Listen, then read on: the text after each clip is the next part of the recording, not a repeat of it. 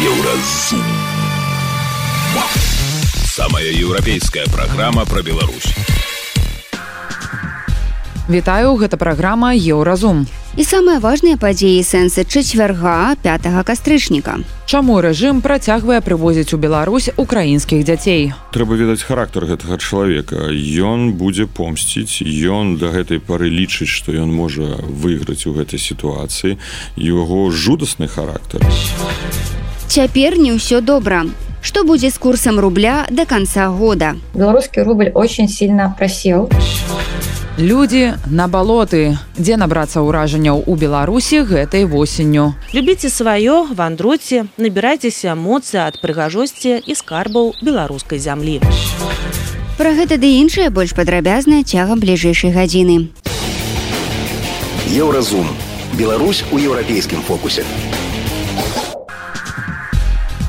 Нягледзячы на тое, што Лукашэнку і яго дапамагатым пагражае ордер на арышт за незаконны вываз украінскіх дзяцей у Беларусь, яны працягваюць гэта рабіць. Прапаганда апраўдваецца, што дзеці закупаваных расіяй украінскіх тэрыторый прыязджаюць у нашу краіну са згоды бацькоў ці апекуноў на курс адпачынку і рэабілітацыі. Рэжым называе гэта сістэмнай дапамогай дзецям Донбаса. І нават запрашае дыпламатаў еўрапейскіх краін прыехаць у лагер, дзе прымаюць дзяцей і запэўніцца ў нібыта самых найлепшых намерах лукашэнкаўскіх уладаў. Дык усё ж навошта рэжым працягвае развіваць тэму з украінскімі дзецьмі замест таго, каб спыніцца. Пра гэта наш рэдактар зміцер лукашук пагутарыў з кіраўніком народнага антыкрызіснага ўправлення паўлам латушкам. Менавіта дзякуючы намаганням латушкі і калег свет даведаўся пра ўдзел лукашэнкі у вайсковым злачынстве звязаным з незаконным вывазам непаўналетніх украінцаў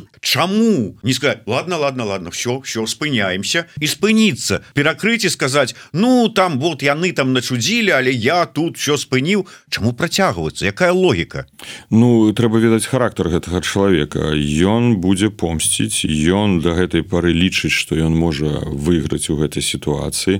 Яго жудасны характар ён яму трэба помсціць максімальнай колькасці людзей стварыць гэтую атмасферу страха жудаснага страха дзеля таго каб не дазволіць скінуць яго перадусім унутры. Бо ён хоча конечно же тут узнікім пытанне заўсёды ставіць пытанне Ну добра ордер на арышт лукашэнкі што далей? Ён застаецца ў беларусі да.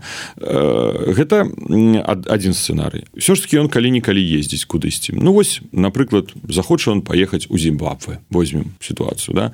Ну зімбабве ці там у гвіне яго могуць не арыштаваць да але ну можа быть сітуацыя тэхнічная пасадка самалёту ну такое ж адбываецца у нейкай краіне і по дарозе ў гэтую краіну ён самалёт прыземліўся а гэтай краіне дзейнічае рымскі статут міжнародна крымінальную суду і што адбываецца імунітэту у яго няма яго могуць затрымаць і фактычна могуць затрымаць усюды. Бо калі мы кажам пра злачынствы супраць чалавечнасці то яны уже распаўсюджваюцца практычна на ўсе краіны свету. Гэта на 200 краінаў свет не абавязкова быць членам рымска подпісаць рымскі статут міжнароднага крымінального суду Таму яму галоўная мэта сёння гэта ўсё ж таки кантраляваць сітуацыю унутры зноў жа таки унутры могуць быць таксама розныя гісторыі для нас я думаю вельмі важным з'яўляецца выдача ордеру лукашэнкі гэта як паставіць на нём чорную метку. Это будзе азначаць усім асобам які побач з ім что а перспектыву то з ім ужо няма нейкіх яны пачнуць думаць чухаць патыліцу А што рабіць частка з іх мы разумеем ёсць прарасійскіх які гатовы выканаць загад крамля. І сёння яны лаяльны для лукашэнкі але больш лаяльны для крымля другая частка яна яна лаяльна яму але ўсё ж таки таксама ну калі про гэта можна людзей добра казаць яны ўсё ж таки думаюць пра дзяржаву як як Беларусь. І вось у гэтай сітуацыі можа стварыцца такая сітуацыя разлома раскола раскола эліт. Это адзін з элементаў нашай стратэгіі про якую мы казалі на паседжанні аб'яднанага пераходна камета ось якое адбылося у панядзелак. Гэта наша задача давесці до гэтага расколі тут няма сцэнароў ідэальна тут няма сітуацыі что так лёгка можна будзе вырашыць у той ці ну наш бок скажем так у іншы нам не трэба. Вось але калі не ламаць гэтую сістэму то такі як мы ввогуле дойдзем да змену я чуў такое меркаванне что ў прынцыпе у адпаведнасці на подставе тых документаў якія былі вами перададзеныя у крымінальны суд ужо можна было бы на того ж самого лукашенко выпісаць ордер. Але не выписываюць Ну бо такое палітычнае рашэнне Ну это сапраўды так не, некаторые кажуць что уже нават выпісаны не абавязкова ж гэта аб'яўляць вось напрыклад калі мы кажам про юрысдыкцыю універсальную за гвалт гэта же ордеры на арышт могуць ляжаць ляжаць у прокурораў але не абавязкова про гэта трэба крычаць і казаць. Ну это ёсць такое меркаванне я чуў таксама.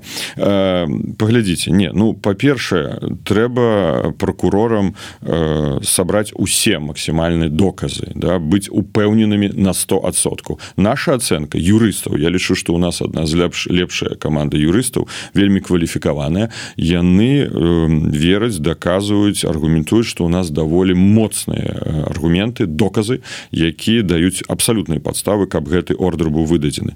Э, я спадзяюся что ніякіх палітычных уплываў на прокурора міжнародна крымінальную суду не будзе. Ось апошнія сустрэчы якія мне адбыліся з заходнімі амбасадарамі я пачуў скажу так что у іх ёсць палітычная воля. Ну гэта прогучала палітычная воля адказнасці. Дарэчы гэты сайт ивент які адбыўся ў рамках э, вот этой канферэнцыі по правах чалавека у рамках абсе у варшаве э, яна мела назву адказнасць рэжыму лукашэнкі то все разумеюць что ўжо тры гады тры гады мы чакаем усе все разам да чакаем працуем дзеля того каб это наступіла але гэта ўжо доўгі час. Вельмі важно каб наступіла адказнасць. Так вот я пачуў ад заходніх амбасадараў менавіта гэты імпульс словамі якія яны прамовілі падчас сустрэч. Мы ставім гэтую мэту. Адказнасць.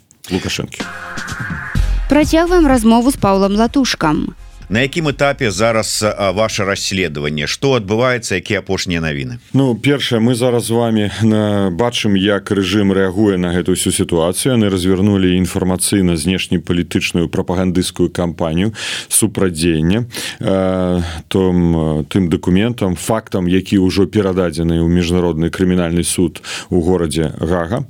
Э, яны рэагуюць на гэтую повестку таму яны рабілі брыфінг у міністэрстве замежнай спраў тыдзень таму зараз учора яны спрабавалі вывезлі некалькіх амбасадараў ну таких краінаў як зімбабве там Кітай Індыя але Росія таксама сірыя аб'яднанымі рабскія эміраты катар у наваполацк каб прадэманстраваць як яны ставяцца да украінскіх дзяцей і спрабуюць прадаць гісторыю што яны ўвогуле ажыццяўляюць гуманітарныя дзеянні Чаму гэта хлусня чаму гэтаму верыць нельга.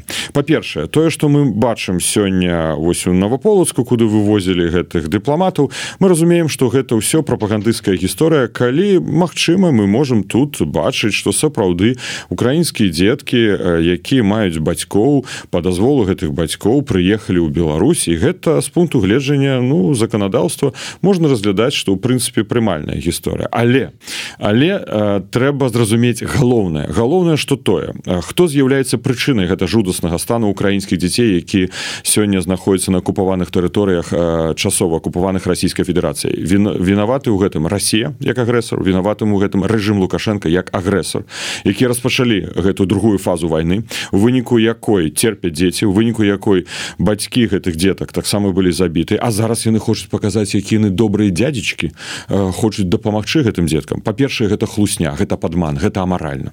По-другое давай давайте просто я паспрабую не з пункту лежны юрыдычна расказваць які там нормы міжнароднае права рымскі статут як ацэньвае жэнеўскі канвенцыі просто уявім сабе з такую сітуацыю мы бацькі сядзім у кавярні альбо можа ў парку э, і э, побач дзесьці гуляе наша дзіцянётка э, пескаўніцы таксама можа яно у кавярні як часто пайшла там маляваць штосьці да малюе мы э, страцілі як бы э, як бы відаву на як мы бачым бачым дзе гэта наша дзіцянётка мы паварочваемся і бачым яго няма. У гэты момант што адбылося? Хтосьці яго забраў. Вывез ад нас. І ці гэта з'яўляецца злачынствам? Ну, забралі маё дзіцянётка. Яго пратрымалі некалькі тыдняў месяцаў. Падчас гэтага добра кармілі забаўляльныя праграмы ім прапаноўвалі мульцікі добрыя паказвалі і адначасова рассказывалі што ведаеш шаноўны гэта ж не твае бацькі. Гэта вельмі дрэнныя людзі. Яны пачалі расказваць что ты можа і увогуле там не беларус не украінец ты іншай нацыянальнасці. То есть у гэты час робяць з ім што перавыхаванне яго пераадукацыю спрабуюць яго зрабіць зусім іншага чалавека. І пазней гэта дзіцянётка вяртаецца да сваіх бацькоў. Ну напрыклад вяртаецца. А бацькам у гэтай сітуацыі і маці з'яўляецца Украіна бо яны з'яўляюцца грамадзянамі Украіны. Вяртаецца і кажа слухайте А вы не мае бацькі? Альбо вы дрэнныя бацькі? Альбо я ўвогуле не хачу больш быць належыць да вашай сям'і бо я хочу належыць да зусім іншай сям'і Вось простая гісторыя. Першы факт. Забралі дзіцё. Гэта злачынства другое. Перадукавалі гэтая дзіцянётка нават можа стварыўшы там нейкія добрыя праграмы візерунак так і гэтак далей. І гэта ўжо з'яўляецца злачынствам. І вось гэты ўсе матэрыялы. Асабліва калі мы размаўляем пра дзяцей сірот яны ўжо перададзены у міжнародны крымінальны суд у горад гага. І менавіта гэты матэрыялы падрыхтаваны каманды народна антыкрысна управлення на падставе гэтых матэрыялы будуць прымацца юрыдычныя рашэнні. Что адбываецца зараз? Зараз мы працягваем сваю працу. Мы ўжо э, фактычна падрыхтавалі другую частку справаздачы. Яна уже нефармальна перададзена адпаведным структурам. Э, мы спадзяемся что бліжэйшым часам з'явіцца яшчэ чарговыя справаздачы э, на падставе тых фактаў які сабраны у тым ліку нашай каманды народное антыкрысна управление па военных злачынствах які здзяйсняе режим лукашенко на тэрыторыі беларусі. Мы на гэта вельмі разлічваем что бліжэйшы час яны з'явятся таксама мы провели вельмі актыўную інфармацыйную працу. Мы провели прэзентацыю нашай справаздачы у еўрапейскім парламенце яшчэ ў маю у савеце Еўропы яшчэ ў мае у абсе дарэчы зараз у варшаве адбываецца форум абсе по правах чалавека і адбылося сустрэчы і з амбасадарам Великабританіі злучаных штатаў Амерыкі Германії Францыі Польши Канады. І рэжым хоча зараз супраць гэтаму супрадзейнічаць паказваючы такія прапагандысцкія гісторыі фільмікі э, і думае что хтосьці поверыць что права міжнародна не было парушана а яно пропісана у міжнародных конвенцыях женевскіх с 1949 года да якіх долучылася у тым ліку Рэспубліка Беларусь. І нельга забіраць дзяцей падчас узброеных канфліктаў падчас войны. Ніхто не мае права вывозіць дзяцей там ёсць вельмі дакладна акрэслена калі гэта можна зрабіць но гэтыя гісторыі не падпадаюць под гісторыю звязаную з вывазам украінскіх дзетак закупаваных тэрыторый Украіны на тэрыторыю Рэспублікі Беларусь.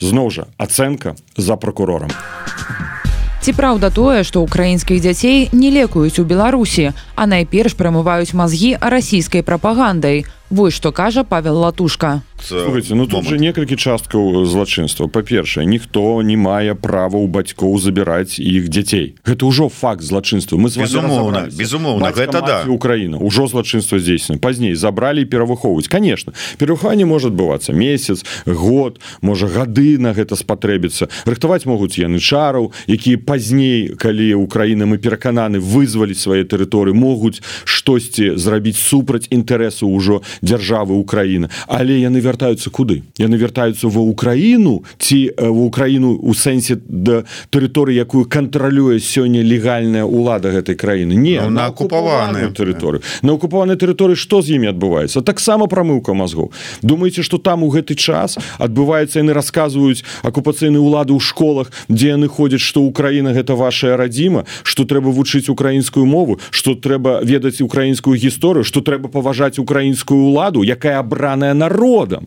украінскую ўлады не гэта не адбываецца. Таму гэта адзін з дадатковых складнікаў. А міжнароднай канвенцыі па выніках другой сусветнай войны калі нацысты рабілі гэта ў адносінах да дзетак гэта вельмі дакладна ўсё прапісалі. І так вывозілі дзяцей таксама у фашысцкую нацысцкую германію. Тое сама робіць зараз рэжым э, лукашэнкі. Ён дапамагае ў гэтым кантэксце пуціну. Так ён яшчэ як дапамагае? Ён публічна прызнаецца да гэта паглядзіце што робіць Дмітрий крутой.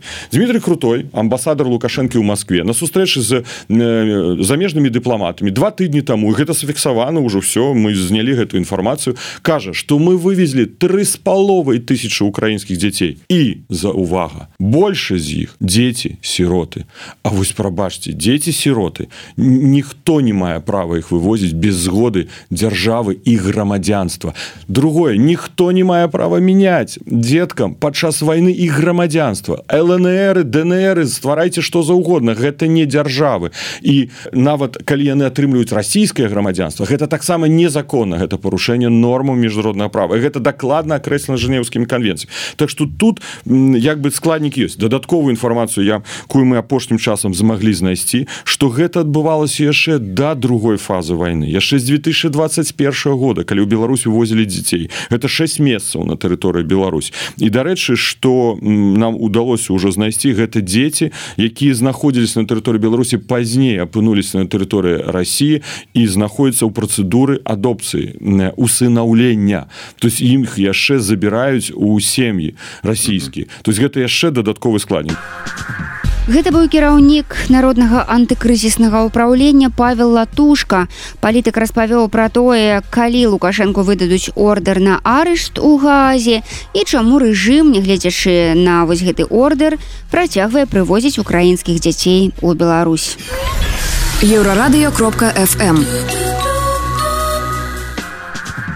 Далее у праграме еўразум. Цяпер не ўсё добра. Што будзе з курсам рубля до конца года? Беларускі рубль очень сильно просел. Людзі на балоты, дзе набрацца ўражанняў у Беларусі гэтай восенню. Любіце сваё, вандруйце, набірайцеся моцы ад прыгажосці і скарбаў беларускай зямлі. Сустрэнемся пасля навінаў спорту. Еўразум. Беларусь у еўрапейскім фокусе.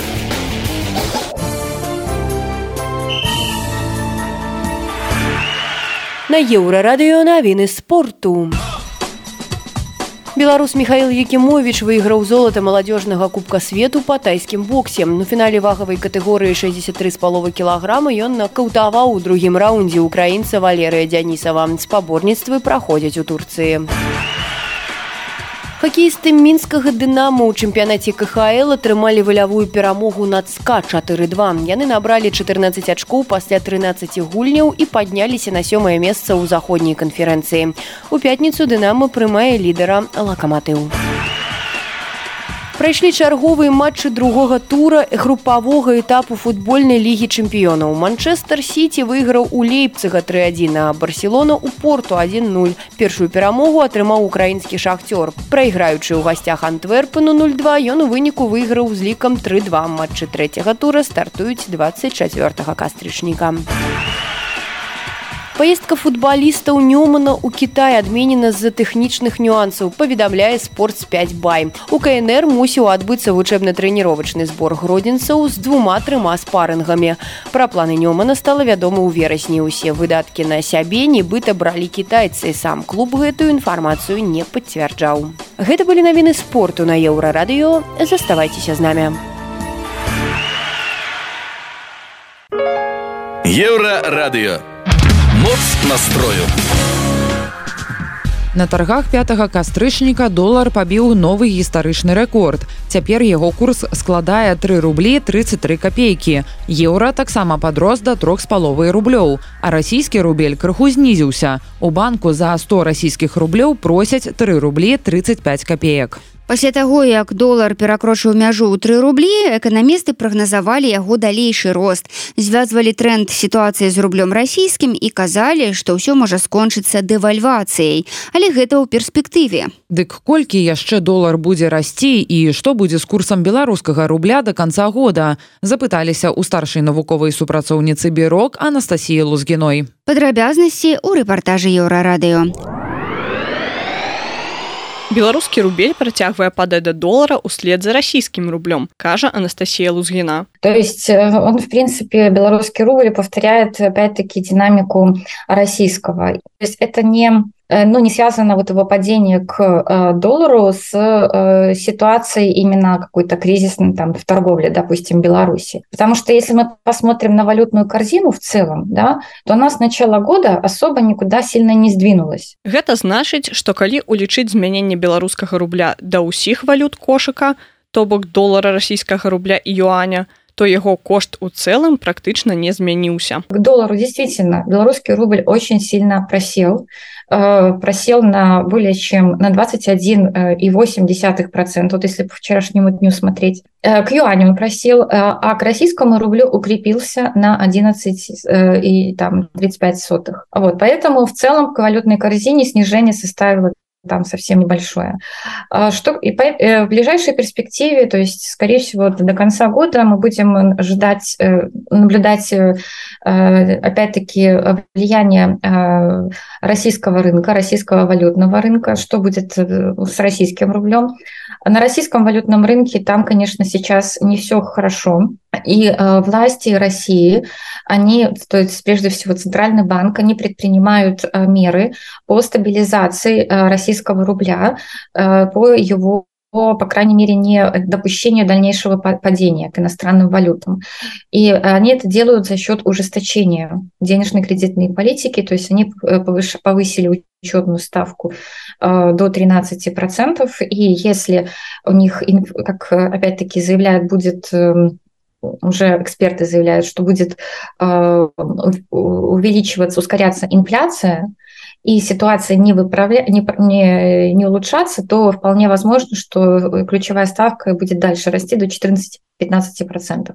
Плюс к этому, если опять-таки а, не удастся стабилизировать за счет более жесткой денежной кредитной политики, а, будут вводиться, а, вводиться дополнительные какие-то, ну, возможно, краткосрочные валютные ограничения.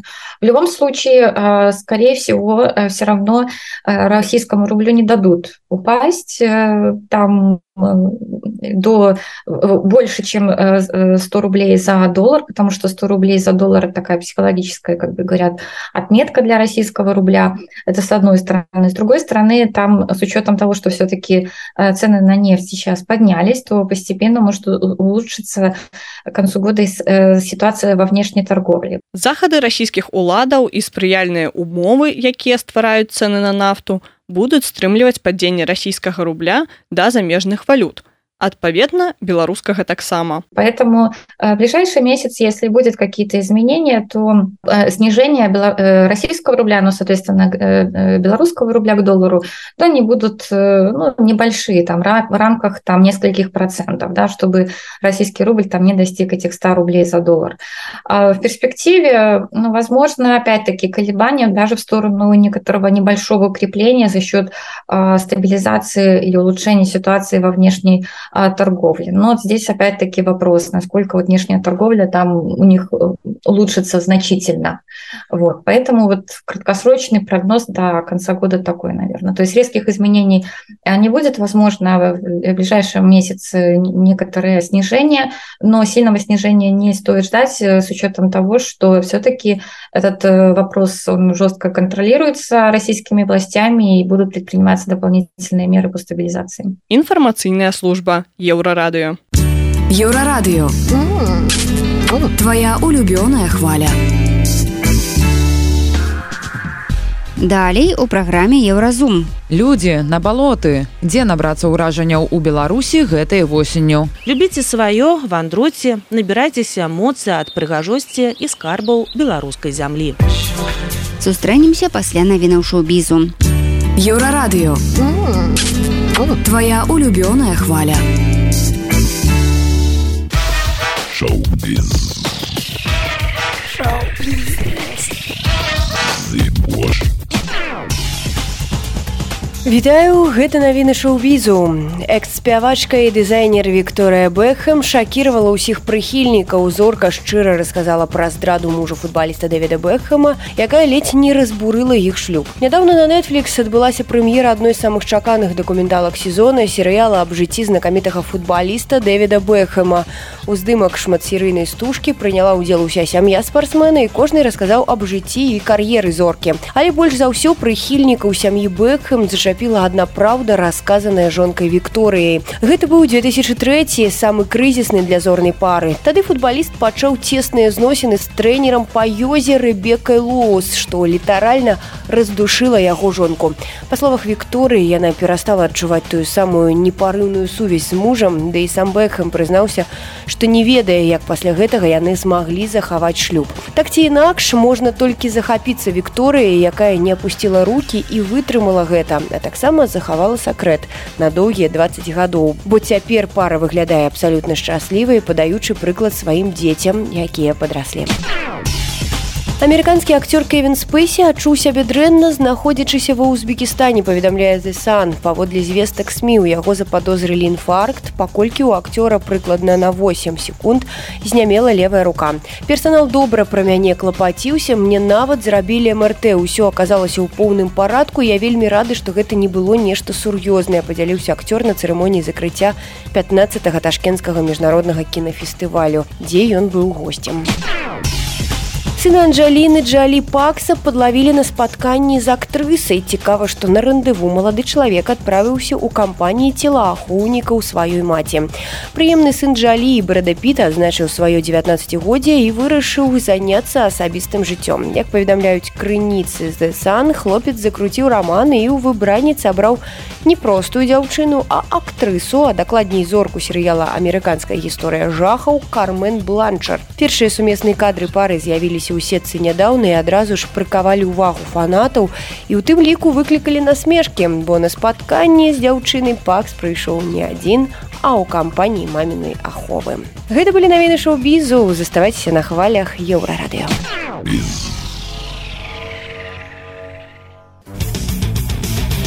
Еўразум жыві ў рытме Еўропы. Беларускія балоты лёгкія Еўропы.